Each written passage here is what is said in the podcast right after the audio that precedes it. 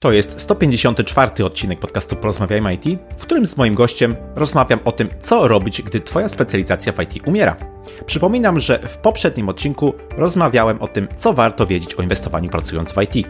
Wszystkie linki oraz transkrypcję dzisiejszej rozmowy znajdziesz pod adresem porozmawiajmyoit.pl łamane na 154. Ocena lub recenzja podcastu w Twojej aplikacji jest bardzo cenna, więc nie zapomnij poświęcić na to kilka minut. Od niedawna można wystawiać oceny podcastom w Spotify. Będzie mi bardzo miło, jeśli w ten sposób odwdzięczysz się za treści, które dla Ciebie tworzę. Dziękuję. Sponsorem dzisiejszego odcinka jest platforma rekrutacyjna Solid Jobs. Jeśli szukasz pracy w IT, koniecznie odwiedź adres solid.jobs. Znajdziesz tam tylko oferty pracy z widełkami wynagrodzeń. Jeśli aktualnie nie myślisz o znalezieniu nowej pracy, to koniecznie zapisz się na Job Alert. Nie częściej niż raz w tygodniu otrzymasz wiadomość e-mail z zestawieniem ofert, które mogą Cię zainteresować. Jeśli w swojej pracy dalej korzystasz z SVN-a, to koniecznie odwiedź solid.jobs. Ja się nazywam Krzysztof Kępiński, a moją misją jest poszerzanie horyzontów ludzi z branży IT. Środkiem do tego jest m.in. ten podcast. Zostając patronem na platformie Patronite, możesz mi w tym pomóc już dziś. Wejdź na porozmawiajmyoit.pl łamany na wspieram i sprawdź szczegóły. Jednocześnie bardzo dziękuję moim obecnym patronom. A teraz życzę Ci już miłego słuchania. Odpalamy! Cześć, mój dzisiejszy gość od ponad 20 lat związany jest z branżą IT, współzałożyciel i CEO takich firm jak MWT Solutions czy SPOK, wprowadził do Polski nowoczesne technologie zarządzania usługami i infrastrukturą IT. Na co dzień zarządza prawie 150-osobowym zespołem specjalistów prowadzących projekty w oparciu o platformę ServiceNow dla klientów z całej Europy. Jednocześnie aktywnie poszukuje nowych technologii, które mogą niebawem zastąpić te obecne w IT już kilkanaście lat. Prywatnie fan kitesurfingu, rowerów górskich oraz tata trzech dorastających córek córek, z którymi zgadza się, że granie na komputerze jest potrzebne dla prawidłowego rozwoju, tak samo jak uprawianie sportów. Wow, brzmi naprawdę dobrze. Moim waszym gościem jest Marcin Tyburski. Cześć Marcin, bardzo miło mi gościcie w podcaście. Witam cię Krzysztof, witam słuchaczy, dzięki za zaproszenie. Mam nadzieję, że będziemy się dobrze bawić, a przy okazji też się czegoś dowiemy. No właśnie, jestem o tym przekonany, zwłaszcza, że w tym wstępie, kiedy opowiadałem e, o tobie, mówiłem, że poszukujesz zawodowo tych nowych technologii, nowych rozwiązań, które mają potencjał um, zastąpić te obecnie e, stosowane i myślę, że to daje, um, czy stawia ciebie właśnie jako taką idealną osobę do porozmawiania o e, temacie, który dotyka e, wielu ludzi pracujących w IT, mianowicie temat e, wygaszania specjalizacji, czy też schodzenia do lamusa technologii, którymi się dane osoby zajmują i jak sobie z tym faktem poradzić, jak przede wszystkim zauważyć, że w ogóle taka rzecz ma miejsce, jak zmitygować następstwa. O tym będziemy dzisiaj rozmawiać, ale zanim rozpoczniemy tą część merytoryczną, to mam takie, taki rytuał rozpoczynający każdy odcinek, mianowicie pytanie do Ciebie, Marcin, czy słuchasz podcastów? Jeśli tak, to może masz jakieś ulubione, o których możesz tutaj powiedzieć? Tak, rzeczywiście. E, słucham podcastów. E, słucham, tak jak mieliśmy okazję rozmawiać, w trakcie i e, jazdy do pracy i, i wracając z pracy, to jest bardzo dobry czas, kiedy można chwilę pobyć właśnie z nowymi rzeczami, z nowymi myślami. Tak, i między innymi słucham Biznes w IT Piotra Buckiego, E, to jest dość popularny i też bardzo często przeze mnie odbierany. Drugi, takie bardziej międzynarodowe rzeczy jak e, Cloud Wars e, Boba Evansa, to jest analityk rynku cloudowego na świecie, bardzo, bardzo fajny podcast. Słuchałem też kiedyś podcastu Grega Albrechta oraz no, z takich lżejszych może już bardzo lubię kolegę Kotarskiego i Podsiadło w ich podcaście. Świetnie chłopacy E, sobie radzą i opowiadają o rzeczywistości, niekiedy bardzo nierealnej rzeczywistości, ale super się tego słucham. Twoich podcastów też słucham, przyznam się. A Słuchałem e, e, szczególnie przed, przed tym spotkaniem. Posłuchałem dwóch, właśnie trochę nawiązujących do tego, o czym dzisiaj będziemy mówić, czyli między innymi o pierwszej pracy w IT, no i też o właśnie skills gapie, tak, czyli o tym właśnie jak znaleźć się pewnie za pierwszym razem na rynku, na rynku IT. Mhm. Super, dzięki za te rekomendacje i fajnie, że wspomniałeś o tych odcinkach. Myślę, że podlinkuję je też w notatce do odcinka, bo to jest uzupełnienie, rozszerzenie tych tematów, o których będziemy dzisiaj rozmawiać, więc warto sobie też tych odcinków właśnie mm, przesłuchać. Okej, okay, ja myślę, że taką najważniejszą rzeczą jest e, świadomość, świadomość tego, gdzie jesteśmy, świadomość tego, że otoczenie wokoło nas się zmienia i też chyba nie inaczej jest, jeśli chodzi o e, technologię. Dlatego chciałbym rozpocząć od takiego e, pytania, jak poznać, że technologia, w której się specjalizuje, no zaczyna już powoli wymierać, zaczyna już powoli odchodzić do lamusa. Czy są jakieś przesłanki, jakieś sygnały, które mogą nam wskazać, czy też pokazać taki trend już raczej, raczej schodzący tej technologii, w której się specjalizujemy? Myślę, że tak. Może jakby zawężę trochę obszar naszej dzisiejszej dyskusji do właśnie technologii związanych z IT. Pewnie nie do końca e, jestem gotowy, żeby rozmawiać o programowaniu. Przyznam się, że programistą nie jestem, a jakby dużo mówimy i w wielu podcastach pojawia się temat programowania. Natomiast poza programowaniem IT to jest, e, to jest ogromny rynek narzędzi, systemów różnego typu, e, takich jak CRM, czy, czy ERP, czy, czy ITSM, które E, które są obecne na rynku już od wielu lat, które służą e, dużym organizacjom do, do zarządzania swoim biznesem. I, I na tym rynku się sporo dzieje, sporo też e, następuje właśnie zmian pokoleniowych, jeśli można tak powiedzieć. Mhm. I, no i ja obserwuję głównie ten rynek, tak? I, mhm. i na nim się skupiam. Wyrosłem z, z rynku service managementu, czyli można sobie to wyobrazić w ten sposób, że w każdej organizacji jest dział IT. Ten dział IT e, no, świadczy usługi dla swoich e, pracowników lub też współpracowników. No i niekiedy te działy są tak duże, że to są przedsiębiorstwa w przedsiębiorstwie. Tak? I mhm. e, wtedy jest konieczne zastosowanie narzędzi, które pomogą tym działom działać sprawniej, szybciej, taniej, efektywniej. Jakby to dla biznesu dzisiaj są takie wyznaczniki tego, E, tego, co jest, e, co jest clue, tak? co jest wartością dla takiej organizacji. Mhm.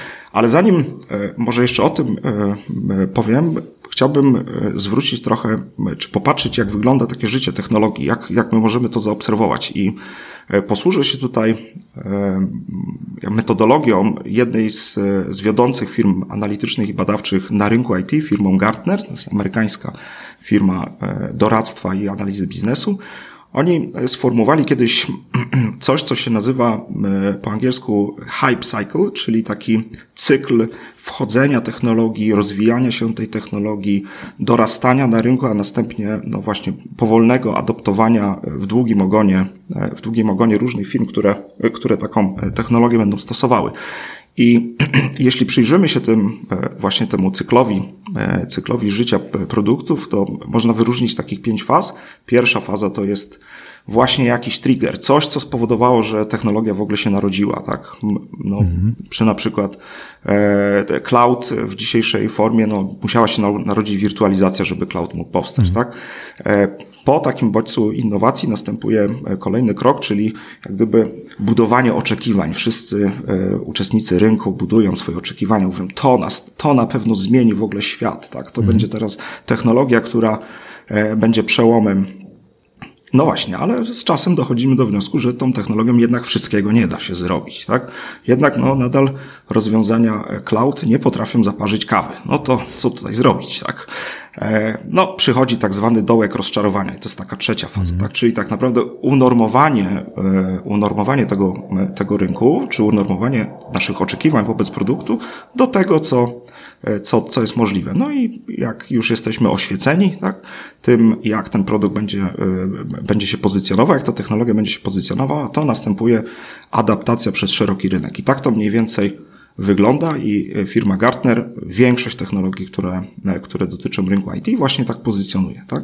Mhm. I no jeśli mnie pytasz o miejsce, czy, czy sposób dostrzeżenia, czy to już jest ten moment, czy nie, to na pewno jednym z takich elementów są te raporty, tak? I czytanie tych raportów e, na tyle ze zrozumieniem, żeby orientować się, czy właśnie, czy to już, czy może dopiero za chwilę i tak dalej. Także to jest jedno z miejsc, tak? Mhm. E, gdzie, gdzie ja mogę się zorientować, taki, co bacznie obserwuję. Tu e, warto zwrócić uwagę, że tych raportów jest bardzo dużo, one dotyczą bardzo dużego rynku, E, różnych narzędzi i i na przykład drugim takim elementem, który może decydować o tym, że może nastąpić schyłek danej technologii, jest zredefiniowanie tego rynku. Mhm. I to jako przykład mogę podać właśnie e, technologię, w której, e, w której my pracujemy, czyli systemy klasy Service Management, kiedyś popularnie zwane helpdeskami, dzisiaj to już są, to są dużo bardziej zaawansowane rozwiązania. Tam nastąpiła na przykład właśnie redefinicja z systemów Service Desk na systemy klasy service management, które obsługują nie tylko IT, czy tikety IT, ale również inne usługi, które w danym przedsiębiorstwie są e, serwowane przez różne działy, nie tylko wtedy IT.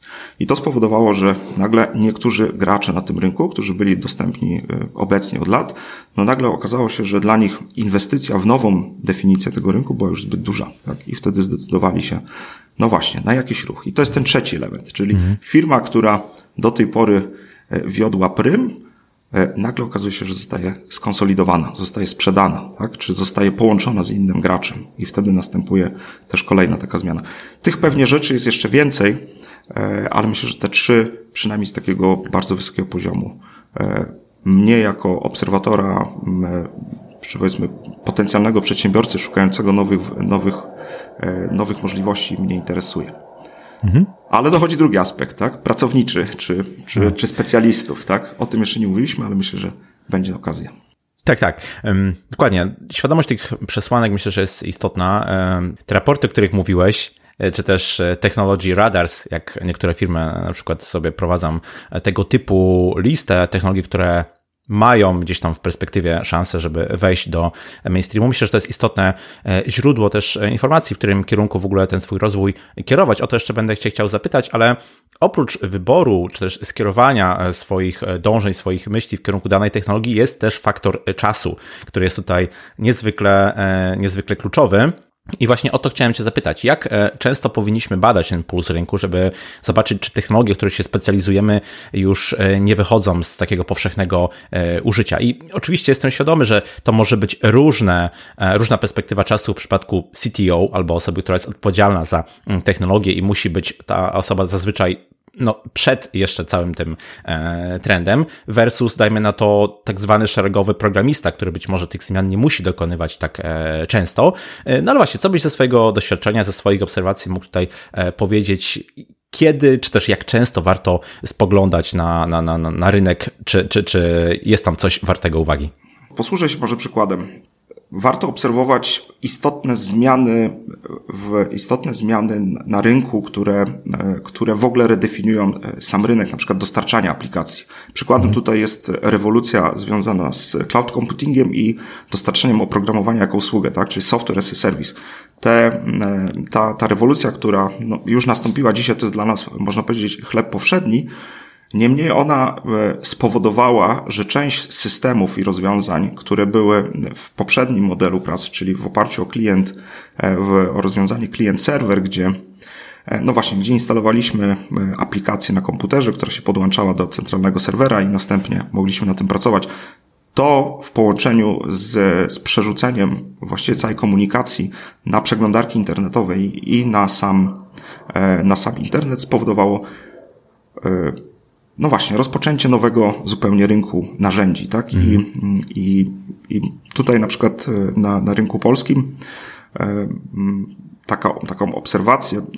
Nasz rynek generalnie akurat w tym, w tym obszarze jest, e, jest konserwatywny, czy był konserwatywny i dużo później reagował niż, niż szczególnie rynek amerykański, czy, czy później Europa, bo tak mniej więcej to, to następowało, co miałem okazję obserwować.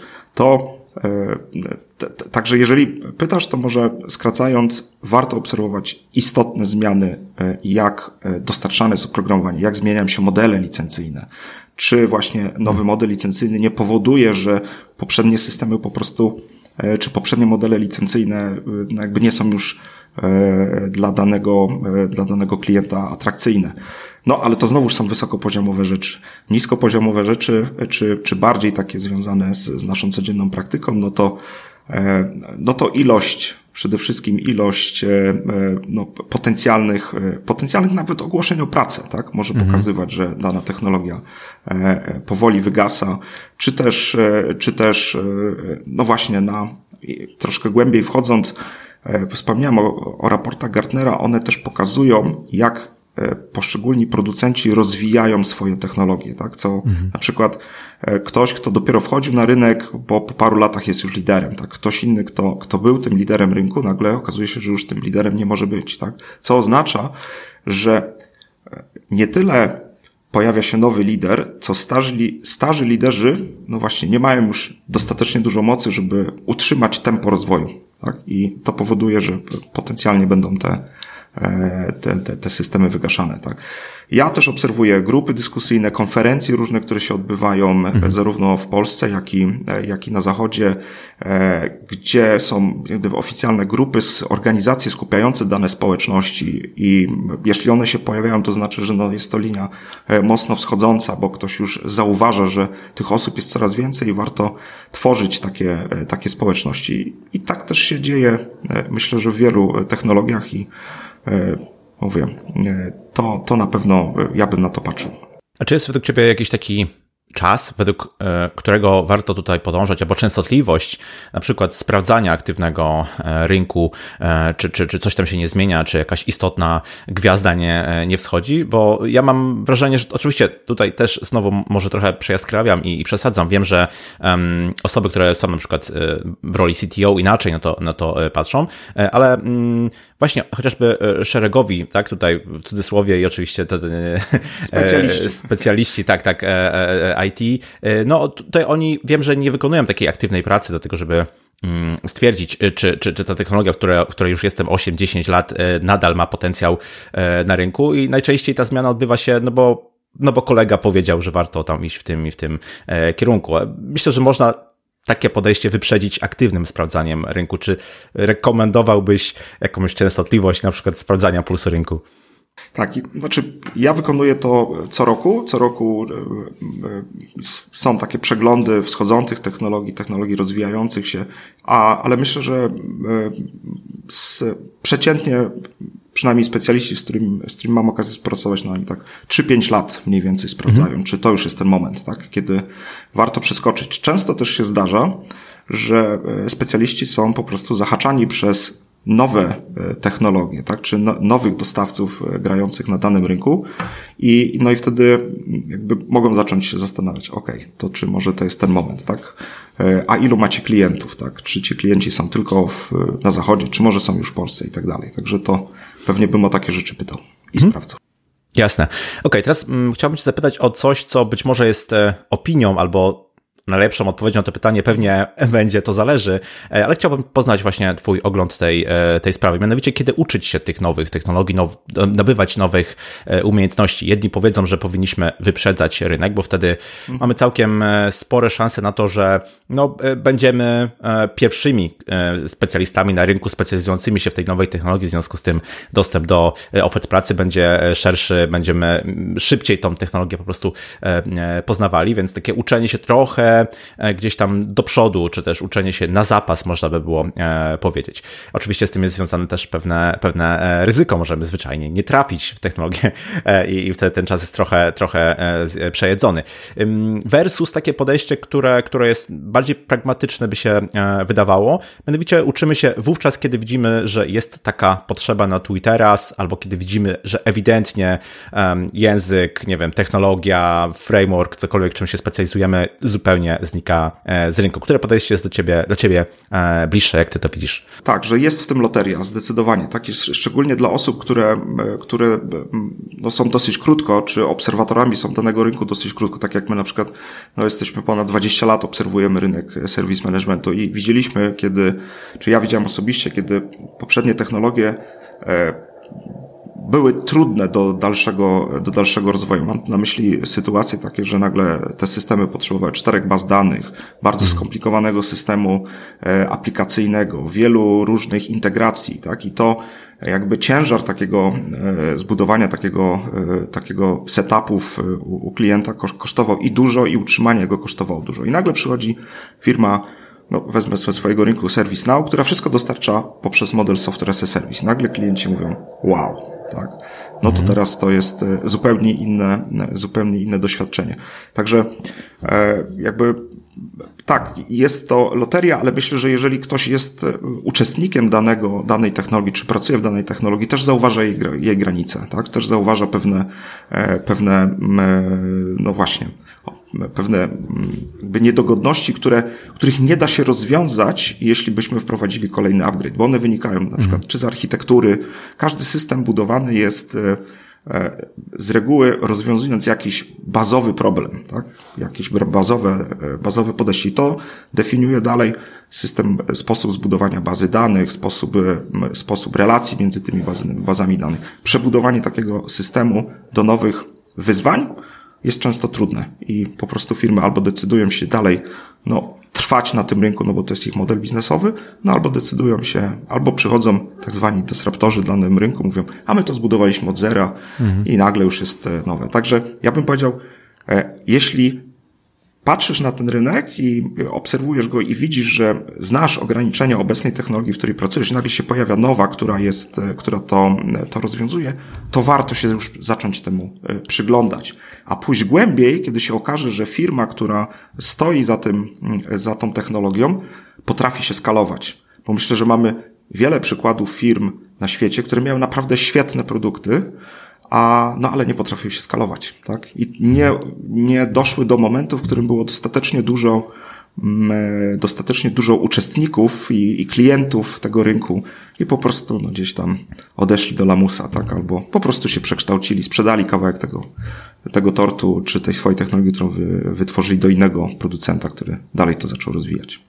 To właśnie to podejście, którym mówisz, myślę, że dąży do tego, żeby zminimalizować to e, ryzyko, nie? Natomiast, no tak jak powiedziałeś, jest tu ten element loterii, trochę szczęścia i no, jak gdyby tego nie wyeliminujemy zupełnie. Natomiast możemy tym ryzykiem w pewien sposób e, zarządzać i stąd tutaj e, takie pytanie, jak nie trafić z deszczu pod rynę, czyli na co zwrócić właśnie uwagę przy wyborze tej nowej technologii, nowego rozwiązania, żeby za chwilę się nie okazało, że wrócimy do punktu wyjścia.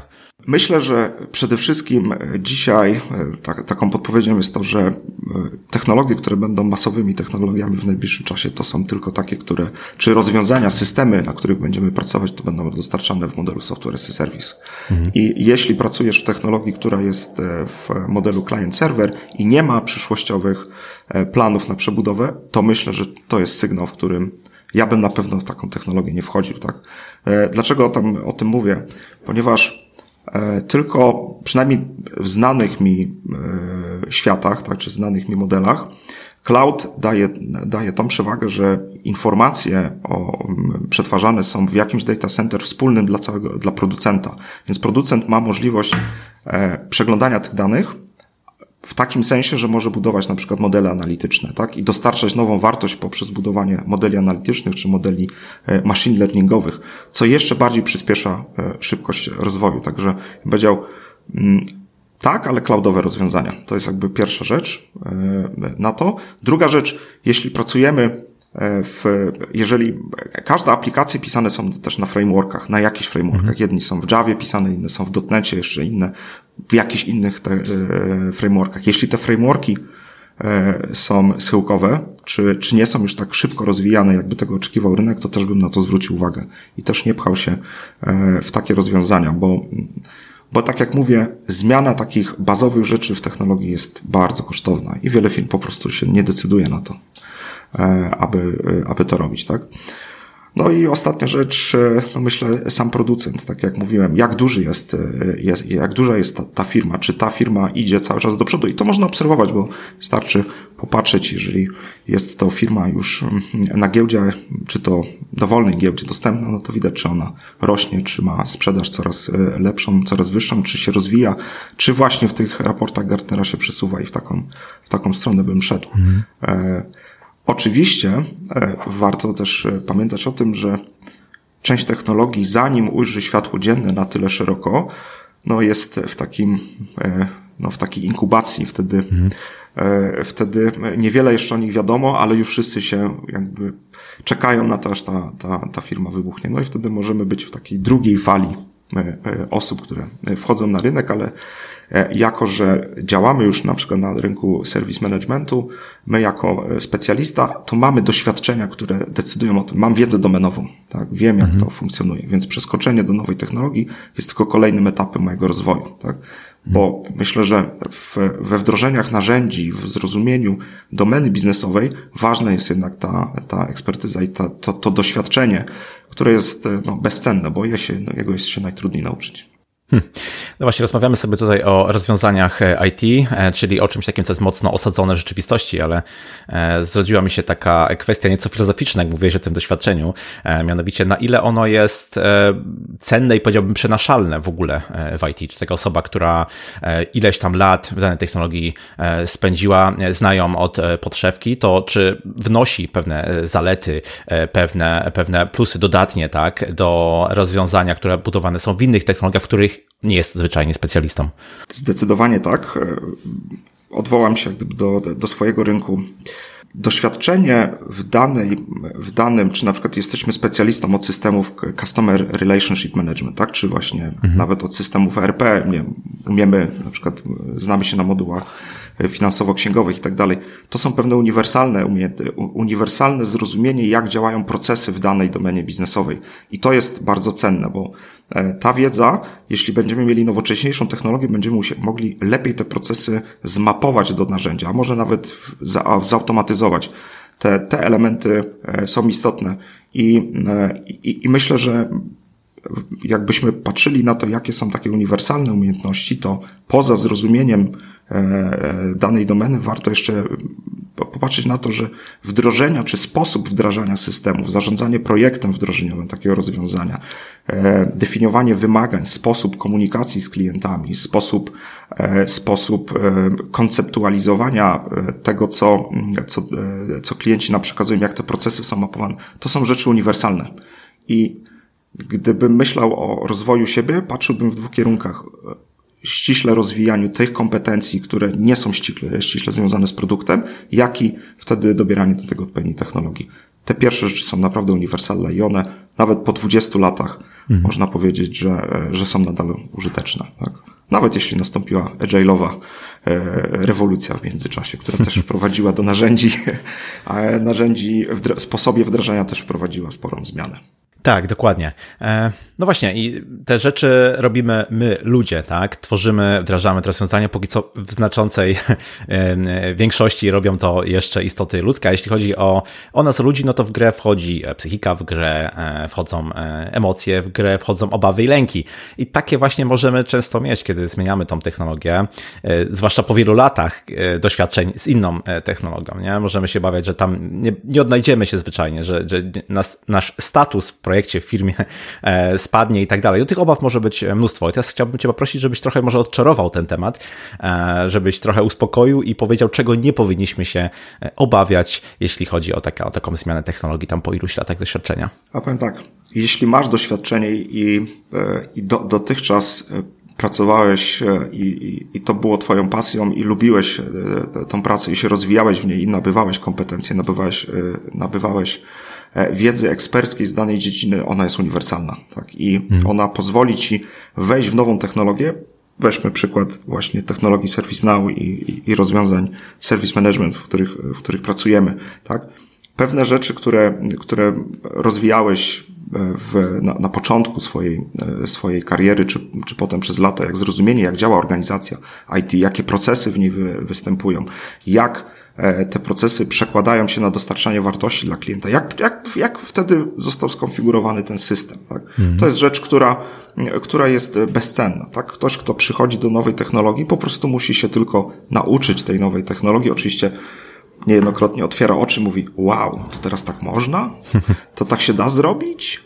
No tak, zobacz, to jest, to jest właśnie nowa technologia. I wtedy mówi, wow, to nawet jest lepiej, nawet jest e, fajniej, nawet mm. ta praca moja staje się przyjemniejsza, a jeśli te nowe technologie jeszcze automatyzują wiele rzeczy, które dotychczas były realizowane ręcznie, no to bym powiedział, to jest właściwe miejsce dla ciebie. Tak? Przyjdź, mm. do, przyjdź do nas, e, pracuj z nami, e, bo, no bo właśnie, bo my teraz jesteśmy jak gdyby technologią wiodącą, tak? I żyjemy w tym cyklu zmian technologicznych na mm. szczycie. Jasne, jasne. Okay, czyli mówiłeś o tych rzeczach uniwersalnych, które jesteśmy w stanie bez problemu przenieść do innego projektu, innej technologii, no bo de facto one tak stricte z technologią nie są e, związane. Mm, ale zanim się to uda, zanim faktycznie z sukcesem gdzieś tam opanujemy e, tą nową technologię, no to jest ten proces e, nauki, proces przyswajania nowych umiejętności, nowej wiedzy. Mm, tutaj też gdyby chciałbym Cię zapytać, jak te nasze obecne doświadczenie się do tego ma? Czy po prostu przyspiesza ten proces? No bo jesteśmy jesteśmy w stanie łatwiej um, kojarzyć pewne e, fakty, łatwiej przyswajać, łatwiej gdzieś osadzać um, na bazie tych naszych doświadczeń, czy też może wręcz przeciwnie, być może nas to spowalnia, ponieważ stare rzeczy, które się nauczyliśmy, musimy się jakby nie było oduczyć. Wydaje mi się, że jednak więcej będzie na plus, tak, że e, to, że mamy to doświadczenie bardzo nam pomoże, tak, i my kiedy e, szkolimy właśnie zarówno osoby, osoby doświadczone w danym, e, w danej dziedzinie, którą się zajmujemy, to, to obserwujemy, że kiedy patrzy na nowy system taka osoba, patrzy na to, jak on, jak on funkcjonuje, jaką ma logikę, mówi, aha, to jest to, aha, to jest to, no tak, no to tu jest to, aha, tu jest lepiej, tak? I hmm. jakby naturalnie dużo sprawniej wchodzi, dlatego że ja, ja cały czas uważam, że zrozumienie, jak funkcjonuje biznes, jest, jest dużo ważniejsze niż to, jak funkcjonuje aplikacja. To, jak hmm. funkcjonuje aplikacja, się nauczymy, ale jeśli nie potrafimy zrozumieć, jak działa biznes, to trochę po omacku się poruszamy po, tym, po tych aplikacjach, tak? I to, i, i, i dlatego też E, osoby z dużym doświadczeniem po prostu są bardzo mile widziane w nowych technologiach, bo one wnoszą ten know-how, który, który, e, który jest potrzebny. Tak? Zmiana technologii może, ale nie musi oznaczać zmianę firmy. Pracując w odpowiedniej organizacji, jesteśmy w stanie e, dosyć poziomo dokonywać tej, tej, e, tej zmiany i niekoniecznie musi to oznaczać zmianę e, pracodawcy. E, no i właśnie tu chcę, chcę zapytać o to, jaki udział ma firma, nasz pracodawca właśnie w tym procesie nabywania nowych umiejętności, poznawania nowych technologii. Czy uważasz, że firmy powinny to ułatwiać pracownikom, czy w ogóle powinno firmom zależeć na tym, żeby pracownicy zdobywali nowe kompetencje, nowe umiejętności techniczne? Powinno im zależeć. Natomiast nie zawsze mogą. I to, wiem, to brzmi troszkę e, dziwacznie, ale tak jest. Pamiętajmy, że firmy są zbudowane na modelach biznesowych. Hmm. Więc jeżeli my dostarczamy narzędzia, e, nie wiem, jednego producenta 10 lat i mamy już 10, e, nie, mamy 100 klientów, tak? I nagle mamy przyjść z nową technologią powiedzieć, drogi kliencie, ale teraz jest taka nowa technologia, a ta stara już jest B, no to jak zareaguje klient? Tak? Może różnie, więc nie wiem, czy, czy w każdej sytuacji jest to możliwe, tak? E, my e, jakby mo, można to rozwiązać inaczej, jak gdyby budując nowy startup, który staje z boku i tą nową technologię gdyby rozwija, e, kształci w ludzi. I myślę, że to jest, to, to, to by mogło być dobre rozwiązanie na to, żeby właśnie dalej rozwijać nasz zespół, bo my jako menadżerowie powinniśmy mieć tego świadomość, że jeśli my nie będziemy tych osób rozwijać, no właśnie, to przyjdzie ktoś inny z boku, który powie, hej, tamta technologia, ta na moja technologia jest lepsza, no i te osoby mogą zostać zachęcone. Także ja jestem zwolennikiem tego, żeby cały czas kształcić i rozwijać swój własny zespół e, w technologiach, które może niekoniecznie są e, dzisiaj naszym głównym modelem biznesowym, ale może za jakiś czas się staną, tak? I trzeba, e, trzeba tego pilnować. Mhm. Jak firma może to robić? E, no właśnie, myślę, że program wewnętrznych szkoleń, ale też e, uczenie technologicznych, może rozwijanie też technologii obocznych związanych z na przykład z integracjami takich rozwiązań, albo no właśnie, albo nie wiem, z machine learningiem, tak, który, który mhm. też jak gdyby się z tym łączy. A z drugiej strony właśnie umiejętne rozwijanie tych, techno, tych właśnie tych umiejętności miękkich, uniwersalnych, tak? Jak prowadzić projekty, jak mhm. właśnie jak się komunikować, tak? To w IT myślę, że jest mhm. dzisiaj bardzo e, duży temat i e, też e, ty, ty, w swoich podcastach też o tym wspominasz, rozmawiając z, z rozmówcami, że komunika, że IT to już nie tylko technologia i siedzenie gdzieś tam za biurkiem, ale no właśnie komunikacja, komunikacja, komunikacja. Zgadza się. Mm, chciałbym teraz trochę może kij w włożyć, ponieważ mówimy o tym, że praca w starych technologiach jest e, niekorzystna, jest niebezpieczna dla naszej e, kariery, dla naszego rozwoju, co może być wręcz zabójcze, jeśli chodzi o e, IT. No ale właśnie, czy zawsze? No bo z jednej strony praca w takich technologiach, które wymierają, daje nam niemalże gwarancję, że tej pracy nie zabraknie, ponieważ tych projektów legacy, które w niej powstało, pewnie jest na tyle e, dużo, na tyle wiele, że jesteśmy w stanie bez problemu pracę dla siebie mm, e, znaleźć, a wręcz, co jest może na bazie takich anegdotycznych przykładów, ale, ale jednak, e, myślę tutaj o Kobolu, pokazane Tak, pokazane, że jeśli jesteśmy e, jednym z niewielu specjalistów właśnie w tej technologii, e, no to wręcz możemy liczyć na dużo wyższe wynagrodzenie z racji na swoją unikalność na rynku e, pracy. Więc no właśnie, czy, czy zawsze ten wyznacznik schyłku danej technologii jest dla nas takim czerwonym światłem? Myślę, że na, nadal na rynku, no właśnie COBOL jest świetnym tego przykładem, tak? Technologia, która powstała na początku lat 60. I, i nadal jest wykorzystywana w systemach biznesowych i w niejednych mini komputerach i mainframe'ach, tak? A mhm. mamy Jawę, która powstała e, przecież pod koniec lat 90., no i nadal nie wyparła COBOLa, tak? tak? Więc na pewno ci specjaliści właśnie e, nadal na rynku są. I, i też pewnie przychodzi też taki moment no, w, w, rozwoju e, naszym, że też no, jest nam coraz trudniej uczyć się nowych technologii. Wtedy zostajemy w tej, która jest, zakładając, że jesteśmy w niej ekspertami. No po tylu latach prawdopodobnie jesteśmy ekspertami. I, e, no i na pewno takie, no, może być takie unikaty, takie, e, te, mhm. takie osoby będą, będą mogły spokojnie, jak gdyby, no, zakończyć swoją karierę e, specjalisty, pozostając w tej technologii. Tak? Mówię, tutaj ryzykiem no, pozostaje jakaś nie wiem, zmiana prawna, zmiana mhm. E, wynikająca nie wiem, z bezpieczeństwa systemów i tak dalej. No, no, to, z tym ryzykiem trzeba się liczyć, tak? I być może wtedy podjąć wysiłek e, zmiany. Ale e, jeśli tak się nie dzieje, no to, to faktycznie jak jesteś wybitnym specjalistą, to zostań tym wybitnym specjalistą w tej swojej dziedzinie. Dokładnie, dokładnie.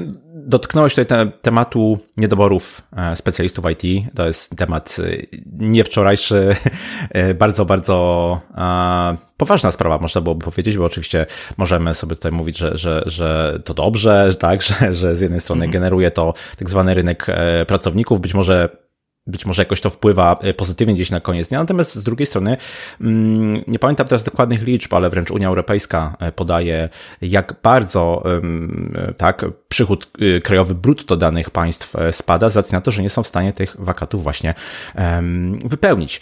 No i z jednej strony możemy sobie z tym problemem radzić poprzez zachęcanie, poprzez wdrażanie ludzi w te nowe technologie, poprzez upraszczanie tego procesu, ale z drugiej strony możemy sobie też radzić w sposób nieco bardziej technologiczny. I właśnie o ten, o ten wariant chciałbym Cię zapytać, jak pracodawcy radzą e, sobie z brakiem specjalistów e, dla tych swoich rozwiązań, dla których pracują. E, tak, znów po, może posłużę się naszym przykładem.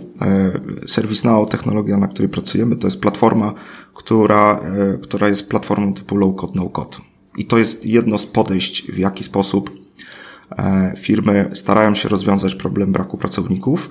E, nawet już w tej chwili jakby pojawiają się powiedzmy grupy, czy też sposoby określenia takich osób, tak, że to są, e, to są power userzy albo, albo technologiczni, technologiczni specjaliści, którzy właśnie mają tą wiedzę uniwersalną, wiedzą jak proces w danej organizacji działa, wiedzą w jaki sposób e, funkcjonują, funkcjonuje ona w organizacji i może za pomocą narzędzi, które nie wymagają kodowania, nie, nie, nie musi się nauczyć języka programowania, są w stanie mhm. taką cyfryzację swojego obszaru pracy wykonać, tak? Także mhm. ja myślę, że jednym jest low code, no code i, i, i to ja, ja obserwuję wzrost tych, e, e, jakby zaangażowania tych platform przez ostatnich pięć lat, z czego szczególnie ostatnie trzy lata są takimi, takie, tak przełomowe, dlatego że pojawiają się duże projekty, tak? A Polska jest choćby e, z racji swojego, no właśnie, bardzo dużego rynku outsourcingu jest jednym z takich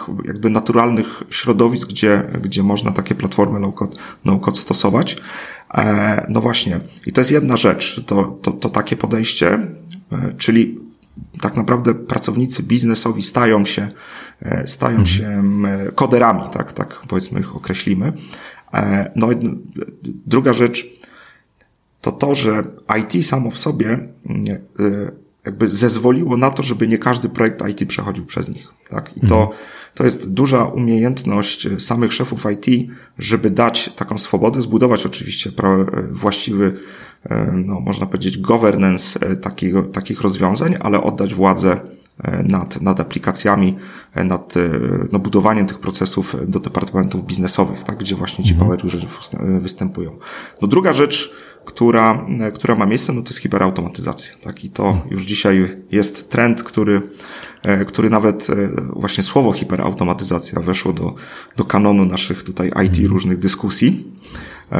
W zeszłym tygodniu nawet skończyła się jedna z większych w Polsce, jeśli nie największa, konferencja właśnie prowadzona przez, e, przez profesora Sobczaka, hiperautomatyzacja. I, e, i no, bardzo dużo bardzo dobrych przykładów tego, jak można e, z, zautomatyzować biznes, z, a jednocześnie, no właśnie, odpowiadając na, na niewystarczającą ilość specjalistów. I tu mówimy, dobre automatyzacje redukują, znaczy pozwalają nie zatrudnić nawet kilkudziesięciu osób do organizacji, tak, co normalnie byłoby no dzisiaj bardzo trudne. Także ja bym patrzył na te dwie rzeczy, tak one, ja myślę, gdzieś w najbliższym czasie będą e, grały, e, grały taką e, rolę, która miałaby nam pomóc, żeby się tych niedoborów, no przynajmniej zmniejszyć, bo na pewno się ich nie pozbędziemy. Tak? Mhm. No właśnie, automatyzacja myślę, że to jest taki trend już od paru lat, który też będzie tylko nabierał e, na sile i myślę, że to jest też taka przesłanka, którą zdecydowanie trzeba brać pod uwagę, jeśli robimy rzeczy bardzo powtarzalne, które w prosty sposób da się zautomatyzować, no to jest spora e, szansa, że nasze stanowisko pracy po prostu zostanie e, zamknięte. Co prawda podobne obawy gdzieś występowały na, w, na początku takich ewolucyjnych zmian przemysłowych i to nie znaczy, że ktoś nas po prostu zwolni z pracy. Najprawdopodobniej będziemy się zajmować e, czymś innym, ale no, pewnie zgodzisz się ze mną, że lepiej e, swoją karierą pokierować w ten sposób, żebyśmy to my mieli wybór, a nie żebyśmy byli skazani na to, e, gdzie nas technologia mm, pokieruje, więc faktycznie, faktycznie obserwujmy automatyzację bo może ona wpłynąć na to, e, jak, jak pracujemy w najbliższym czasie. Mhm. Starajmy się zrozumieć biznes, w którym pracujemy. To nam na pewno pomoże, tak? Bo jeśli, e, e, jeśli będzie okazja, to być może zostaniemy właśnie takim power userem, który będzie decydował o tym, jak, jak ten biznes będzie, ten nasz kawałek biznesu będzie cyfryzowany. Także, no i zgadzam się z tą Krzysztof, że wiele osób myśli, że automatyzacja może po prostu zredukować ich, e, ich, no, ich pracę, tak, czy zredukować ich etat. Moim zdaniem to, to nieprawda, dlatego mhm. że w to miejsce zaraz pojawiają się nowe e, umiejętności. Także mhm. jeśli chcesz być w IT, czyli chcesz pracować w biznesie, no to musisz się cały czas uczyć. Cały czas, jak tu się coś wygaśnie, bo zostanie zautomatyzowane, no dobrze, no to ktoś musi te, auto, te roboty na przykład programować, tak, czy musi je konfigurować. No to przechodzimy do innego, innego zadania. Więc jak myślę, dzisiaj pracownicy są tak dla nas cenni w, w biznesie, że no jakby redukowanie to by był strzał w kolano, tak. No i to jest bardzo pozytywne zakończenie odcinka, w którym rozmawiamy o wymieraniu specjalizacji e, w IT, więc myślę, że, że zakończyliśmy mimo wszystko jednak e, pozytywnie. Bardzo mnie to cieszy. Moim gościem był Marcin Tyburski. Rozmawialiśmy o tym, co robić, gdy Twoja specjalizacja w IT umiera. Marcin, bardzo Ci dziękuję za rozmowę, za podzielenie się swoimi doświadczeniami. Dziękuję, Krzysztof. Powiedz proszę na koniec, gdzie Cię można znaleźć w internecie, w jaki sposób się z Tobą skontaktować. Jest mój profil na, e, na LinkedInie, e, Marcin Tyburski, wystarczy wpisać. Jesteśmy też na stronie internetowej spok.eu, gdzie właśnie zajmujemy się technologią ServiceNow i zapraszam wszystkich Was, którzy chcieliby właśnie zmienić, e, zmienić systemy czy, czy pracę w technologiach klasy IT Service Management do współpracy z nami. Jesteśmy na to otwarci. Poszukujemy, poszukujemy i jeszcze raz poszukujemy specjalistów. Super, oczywiście linki będą w notatce do e, odcinka. Jeszcze raz Ci bardzo dziękuję. Do usłyszenia. Cześć. Dzięki, cześć. I to tyle z tego, co przygotowałem dla Ciebie na dzisiaj. Branża IT zmienia się bardzo szybko i to wiadomo nie od dziś. Musimy zatem trzymać rękę na pulsie i pomimo obaw zasiedzenia i zbytniej pewności siebie weryfikować, czy nasza specjalizacja w IT nie odchodzi w niepamięć. Jeśli ten odcinek był dla Ciebie interesujący i przydatny, oddzięczę proszę recenzją, oceną lub komentarzem w social mediach. Jeśli masz jakieś pytania, pisz śmiało na krzysztofmałpa.porozmawiajmy Zapraszam też do moich mediów społecznościowych. Ja się nazywam Krzysztof Kępiński, a to był odcinek podcastu Porozmawiajmy IT o tym, co robić, gdy Twoja specjalizacja w IT umiera. Zapraszam do kolejnego odcinka już wkrótce. Cześć!